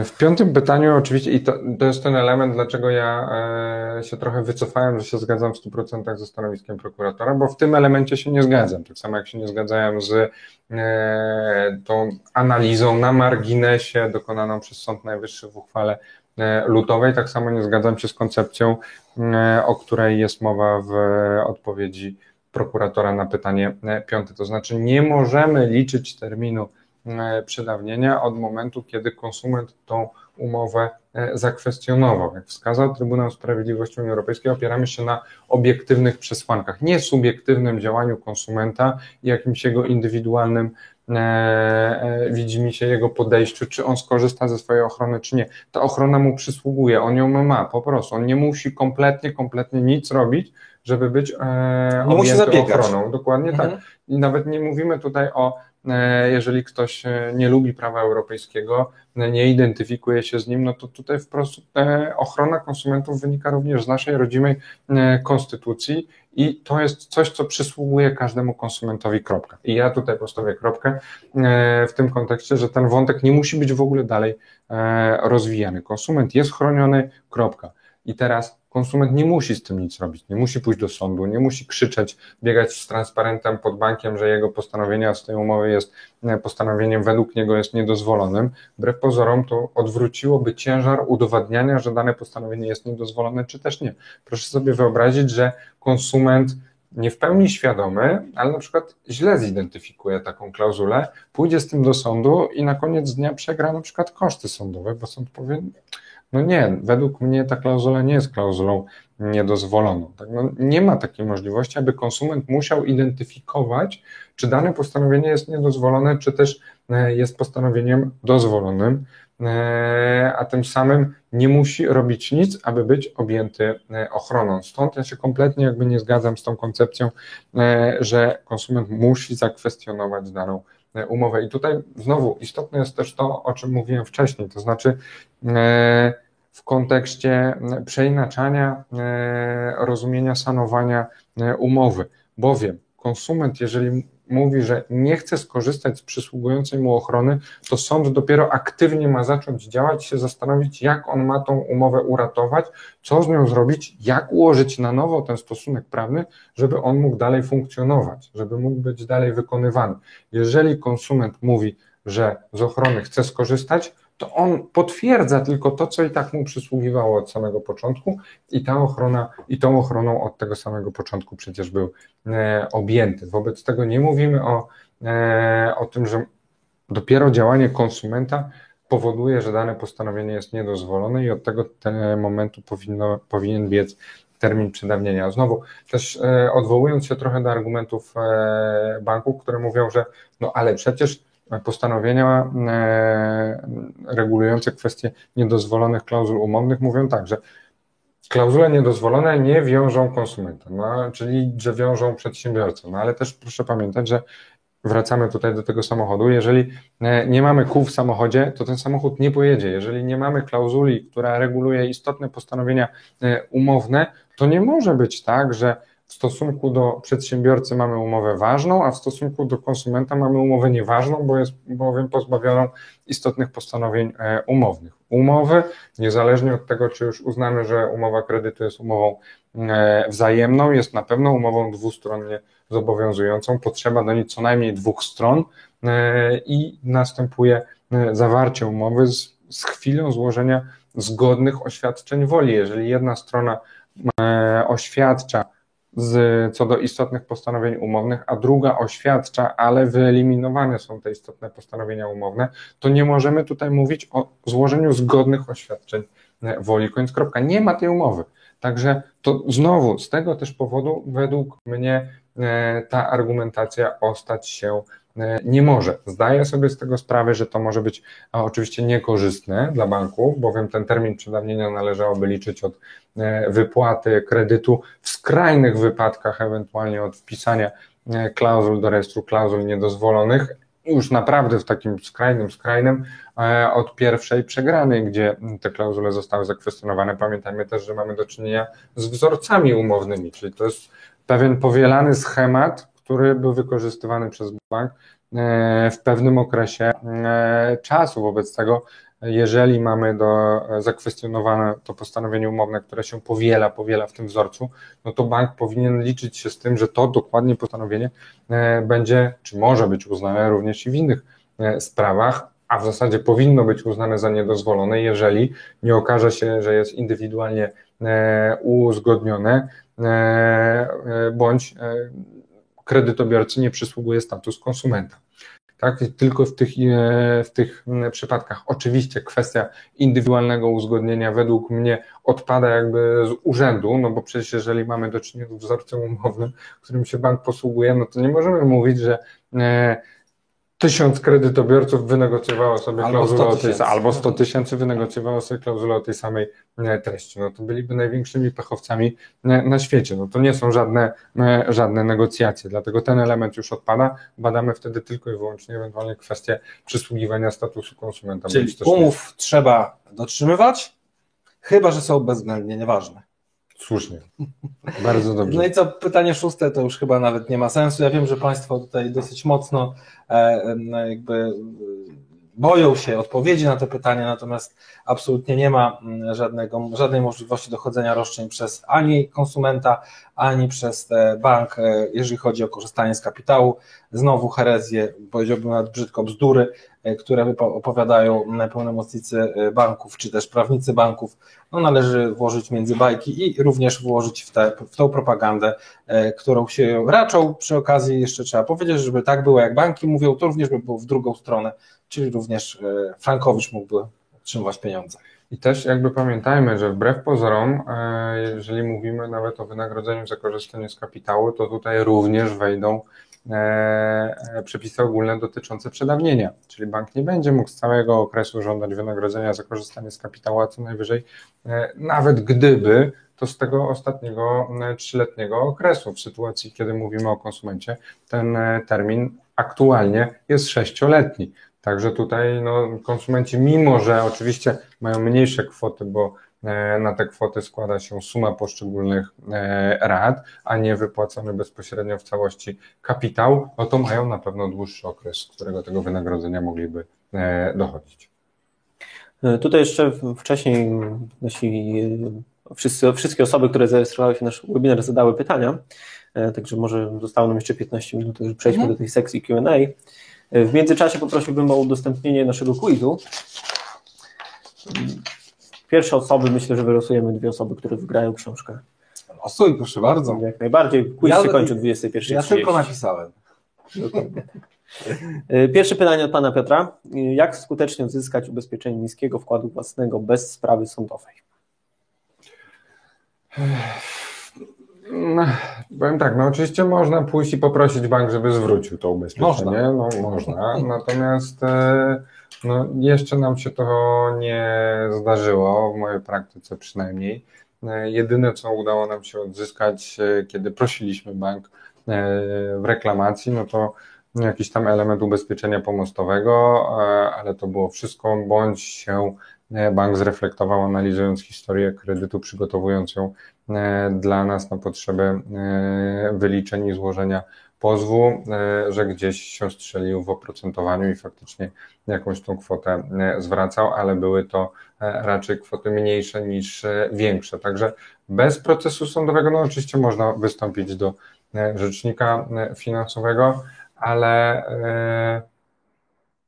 ja chyba nie znam przypadku, żeby bank sam z siebie takie ubezpieczenie Kiedyś, dawno, dawno temu PKO jakoś tak próbował w wyjątkowych sytuacjach rzekomo coś tam oddawać, ale to było bardzo dawno temu. To, to, to, to były incydentalne przypadki. E, tym razem pytanie z naszego czatu, pytanie od pani Anny. Libor ma być obliczany do końca 2021 roku. Co jeśli sąd do tego czasu nie rozstrzygnie sprawy, a wymóg jest Libor?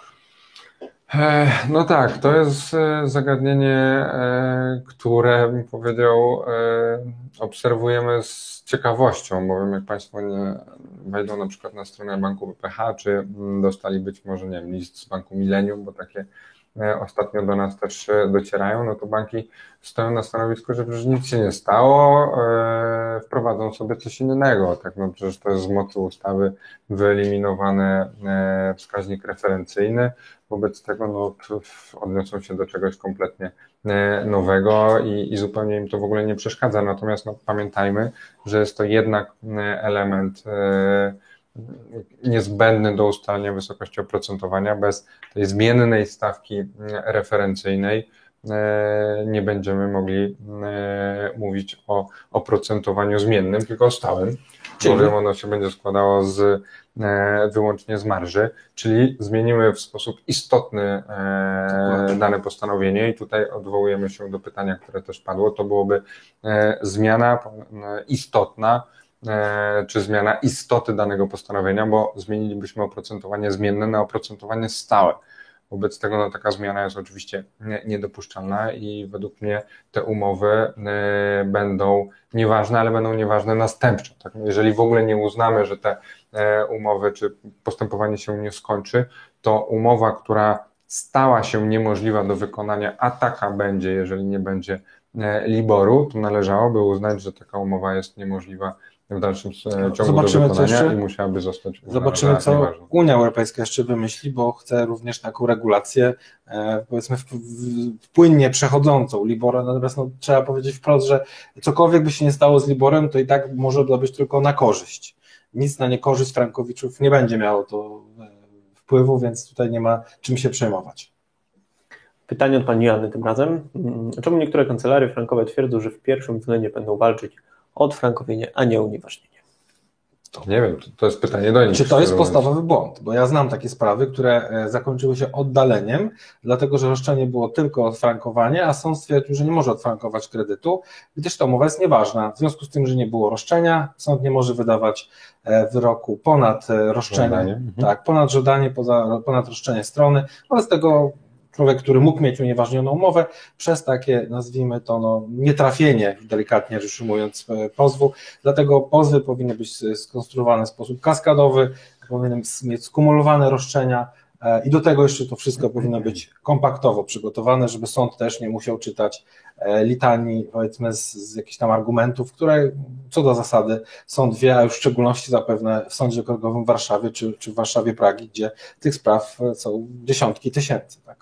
Natomiast no, to jest na pewno e, pytanie, tak jak gdzieś zaznaczyłem, które warto zadać takiej kancelarii. Tak? No, jak nas e, się ktoś pyta, dlaczego my idziemy z takim, a nie innym roszczeniem, no to my się tłumaczymy, dlaczego uważamy tak, a nie inaczej. No, na tym polega e, rozmowa i to jest właśnie ten element, na którym czy w którym informujemy konsumentów o wyniku, o ewentualnych roszczeniach i o ich konsekwencjach. Tak, no, jakby konsument musi wiedzieć, to, to nie kupuje kota w worku. No, rozmawiamy o konkretnych rozwiązaniach, o konkretnych konsekwencjach. E, Konsument, mając tą wiedzę, mam nadzieję, e, ma do nas jakieś zaufanie, no i, i w tym momencie możemy pójść z pozwem. No, pamiętajmy, że jednak e, stosunek pełnomocnictwa jest oparty na zaufaniu. Tutaj pani Joanna jeszcze dodaje, że twierdzi, że jest to specjalna taktyka, natomiast nasze podejście e, mówi o skuteczności. Prawomocnie nie przegraliśmy ani jednej sprawy, tak ta skuteczność wynosi 100%. Em, Także no chyba o tym świadczy, że to podejście jest słuszne. Pani Anna pyta tym razem, co w przypadku umów z PKO, gdzie utworzony został rachunek techniczny we franku szwajcarskim, jaka jest szansa wygranej, czy obecnie szansa jest większa? Rachunek techniczny to został wszędzie otwarty, bowiem on służy do obsługi kredytu, więc to jest e, e, zagadnienie, które no, jest istotne i co prawda wymagałoby analizy dokładnie e, konkretnego przypadku. Natomiast no, jeszcze raz chciałbym zwrócić uwagę, każdy bank otwierał rachunek walutowy, rachunek techniczny do obsługi kredytu, który jednak, którego właścicielem jednak jest e, bank. To nie jest e, rachunek, z którego którym można swobodnie dysponować, a na pewno nie można rozporządzać środkami, które się znajdują na takim rachunku. Wobec tego, no tutaj ta spłata e, nie następowała z tego rachunku technicznego, tylko raczej na ten rachunek techniczny. Czy być może jeszcze Pani chodzi o taką sytuację, że nie miała Pani w ogóle rachunku złotówkowego, bo teoretycznie jest to możliwe, Mhm. więc jedynym rachunkiem, który Pani miała, był rachunek techniczny, bo jakiś musiał być, tak? Natomiast to, to nie wpływa na nic. E, Pan Sławomir fajne pytanie zadał, skąd tak wysoka skuteczność wygranych z Raiffeisenem, z, z wiedzy i pracy? Z niczego innego. Ja może tylko dodam, że e, moja siostra ma kredyt w Raiffeisenie, dlatego walczę ją. Jeszcze ma? Wstyd. Panie Może inaczej, przepraszam, muszę się wycofać. Ona nie ma kredytu w Raiffeisenie. E, Tym razem pytanie z naszej kartki. Mm, Pan Sławomir pyta, czy po przedmiotowym wyroku można, zmi- może zmienić się linia orzecznicza w polskich sądach? Czy wyrok, który zapadł, jest faktycznie rozstrzygający? Odpowiedź była wystarczająca. Na pewno w jakiejś części tak, to będzie w, w kontekście e, chociażby terminu przedawnienia, tak, który, który będzie teraz według mnie e, rozpoznawany jako dłuższy, no bo wcześniej przyjmowaliśmy, że jest to 10 lat od e, spłaty każdej raty, a teraz będziemy liczyli e, ten termin e, zgodnie z tym, co zaproponował TSUO, tych obiektywnych e, okoliczności, które by wskazywały na E, na, na moment, w którym, przepraszam, konsument się dowiedział o tym, że dane postanowienie e, jest e, niedozwolone. Także tutaj może się zmienić to orzecznictwo w tym zakresie. Zresztą z tego co wiem, no to, to ono się już zmieniło, bo chyba dzisiaj zapadł też wyrok, w którym wprost jeden z sędziów powiedział, że on zasądza wszystko, bo nie uznaje, aby jakakolwiek rata się przedawniła. Tak, no natomiast no, trzeba być ostrożnym z tym, to znaczy można oczywiście na tym oprzeć swoją strategię, ale ja e, do momentu, kiedy nie zobaczymy, e, nie wiem, kilkuset przynajmniej wyroków tego rodzaju, to, to bądźmy ostrożni i pamiętajmy, że te 10 lat to jest pewnik, tak samo jak pewnik jest, że bank nie może liczyć okresu przedawnienia od dnia wyroku swojego roszczenia. Tutaj też e, faktycznie to, to, to słuszna uwaga w tym kontekście, że e, to, co było rozpoznawane e, przez Trybunał Sprawiedliwości Unii Europejskiej w tym orzeczeniu, które było przeze mnie przywołane, no to tam mówiliśmy o trzyletnim terminie przedawnienia. U nas ten termin przedawnienia wynosił lat 10, dlatego no, on obiektywnie według mnie jest terminem, w którym można się było spokojnie dowiedzieć, że te postanowienia są postanowieniami niedozwolonymi. Tym razem pytanie od Pani Bożeny. Deutsche Bank twierdzi, że od początku klient mógł spłacać we franku szwajcarskim, ale wolał spłacać w złotówkach. Kredyt wypłacony w złotówkach. Umowa z 2008. Czy jest ryzyko? Ryzyko jest zawsze.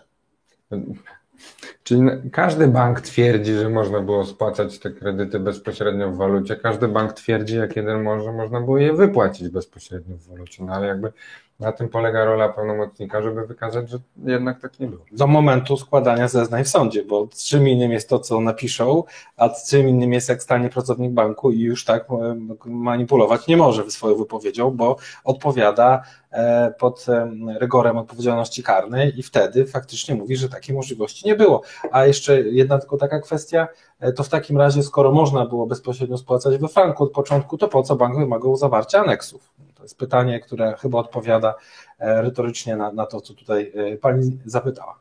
I też wracamy do tego elementu e, wpłacania tych franków bezpośrednio w okienku, za które była pobierana opłata. Pytanie od Pana Przemka. Jakie są Pana doświadczenia i zdanie w stosunku do umów Extralokum dawnego kredyt banku zawieranych w 2008 roku? Czy jest realna szansa, aby je odfrankować, czy można wyłącznie unieważnić?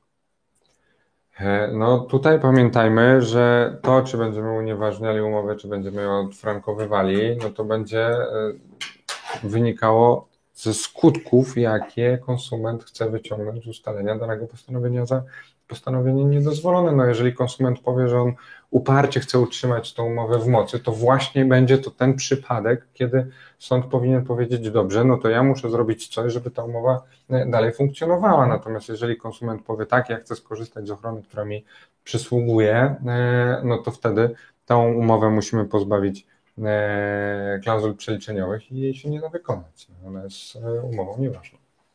Tutaj jeszcze Pan Sławomir pyta, jakie są szanse, że Sąd Najwyższy wreszcie zbierze się 7-11 maja? Siódmego na pewno, bo to jest ustawa, uchwała siódemkowa, więc tam nie będzie, nazwijmy to, zgrzytów. Czy będzie 11? Ja obstawiam, że nie. No ja chyba się przyłączam trochę do, do tej pesymistycznej, do tego pesymistycznego przewidywania, że tej uchwały 11 nie będzie. No, chciałbym się pozytywnie rozczarować, natomiast. No ja też. Natomiast no tutaj też pamiętajmy, że mamy jednak do czynienia z pełną izbą. Z drugiej strony, e, no to już e, w kwietniu było wytłumaczenie, że mamy COVID i SUE, SUE już mamy, e, więc ewentualnie zostałby COVID, no ale no, również słuchając niektórych informacji i przekazów medialnych, no to za chwilę wszyscy czy będą zaszczepieni, czy generalnie będziemy E, wychodzić z pandemii. Także no, chyba nic nie będzie stało na przeszkodzie, żeby jednak ta uchwała zapadła. Natomiast no, jednak obawiam się, że ona może jeszcze nie, e, nie zapaść. Dużo jest pytań jeszcze na e, YouTubie i na Facebooku, ale ja myślę, że może odpowiem na nie już, bo dzisiaj czas nam się kończy w niedzielnym ekspresie Frankowiczów, który e, zapraszamy o 12 i tam już odpowiemy na pozostałe pytania. No nie sposób będzie niestety. Dzisiaj widać, że materia była bardzo interesująca Państwa, co nas też bardzo cieszy, ale na pewno e, na część z nich odpowiem w tym najbliższym.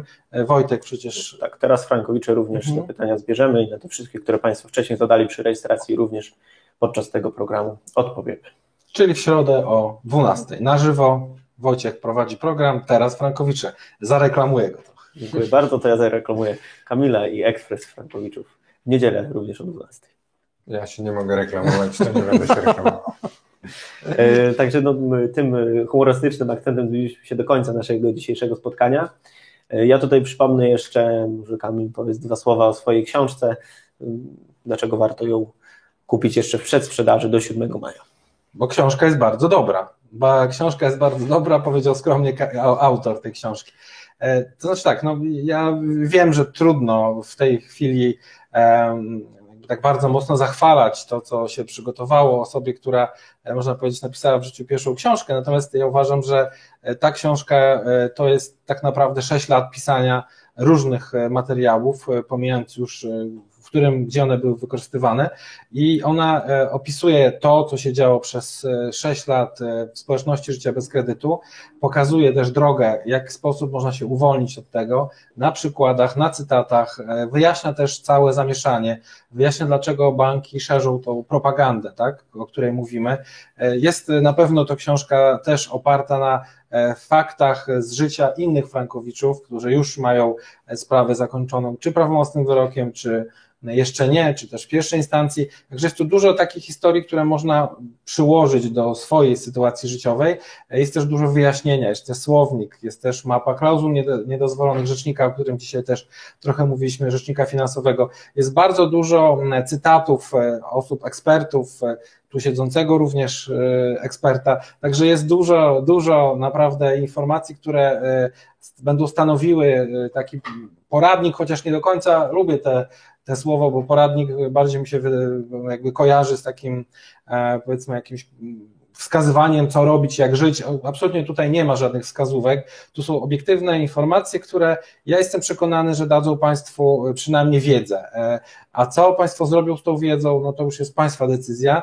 Natomiast zależy mi na tym, żeby e, społeczeństwo było edukowane i to jest pozycja edukacyjna, która na pewno na bazie doświadczenia pozwoli Państwu zapoznać się z całą sytuacją obecną, którą mamy, która ma miejsce i zakładam również, że e, pozwoli Państwu też e, zaprzyjaźnić się z tym tematem Franka, a nie tak jak większość Frankowiczów po prostu mieć z tego tytułu ciągły stres. Zresztą o stresie też jest mowa, bo jednym z rozdziałów jest rozdział z panią psycholog e, e, Marią Rotkier, gdzie również rozmawialiśmy na temat e, między innymi tego, jak reagować na stres, jaki stres wywołuje kredyt, co trzeba z nim zrobić. Także tutaj na pewno. Nieważne. No, to wiemy, natomiast kwestia podejścia do tego, powiedzmy, jest wielu mentorów, wielu, powiedzmy, coachów, też nie do końca, że tak powiem, e, to jest książka, która coachuje, ona, ona po prostu pokazuje, tak? I, I myślę, że pokazuje w sposób wyśmienity. E, mówię to też dlatego, że e, mieliśmy osoby, które bardzo obszernie zajmują się tematyką pisania książek, które w pewien sposób też wskazywały, jak trzeba napisać tą książkę, żeby ona była zrozumiała i z tego, co słyszę po recenzjach, to ona jest bardzo zrozumiała, mimo że temat jest dla wielu zresztą chyba nawet do dziś, e, właśnie trudne. Także no, trudno tak bardzo w kilku słowach zachwalać książkę, która ma ponad 300 stron, e, natomiast no, na pewno w niedługim czasie, w przyszłości będą mogli Państwo zapoznać się z większą ilością opinii, materiałów na ten temat. E, no i to tyle. Panowie, bardzo dziękuję za udział w dzisiejszym webinarze. Państwa zapraszam do przesyłania umów do analizy na naszą stronę internetową życiebezkredytu.pl w zakładce kontakt proszę pozostawić swoje dane. Przypominam o quizie. Do wygrania oprócz rabatu na pozwanie banku książka Kamila Chwiedosika oraz e, spotkanie, konsultacja z Kamilem. E, I co, widzimy się w następnych webinarach i wszystkich naszych programach. Dziękuję. Prawdopodobnie, jeżeli będzie wyrok Sądu Najwyższego, to się spotkamy e, za już dwa tygodnie, tak? Dokładnie. Jeżeli będzie. Dziękuję bardzo. Do Dziękujemy. Do widzenia. Do widzenia.